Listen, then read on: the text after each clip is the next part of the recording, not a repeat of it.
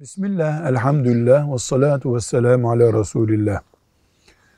Kardeşimiz diyor ki, çok yoğun havale geçiriyorum. Bu havale beni her yerde buluyor. Bir eğitimli köpek tavsiye ettiler.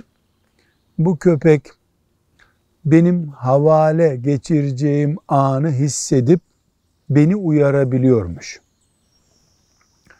Köpek beslemek caiz değil. Ama ben bu köpeği bana bu hastalığımda yardım etsin diye besleyebilir, saklayabilir miyim? Evimde, işimde, her yerde yanımda olacak. Cevap olarak diyoruz ki köpek beslemek caiz değil. Hadisi şerifler yasaklıyor ama Efendimiz sallallahu aleyhi ve sellem mesela çoban köpeğine izin veriyor.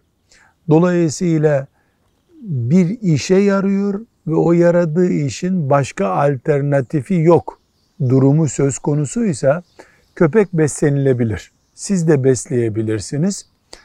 Yeter ki köpeğin salyası ve necasetine dikkat edin size bulaşmasın. Geçmiş olsun. Velhamdülillahi Rabbil Alemin.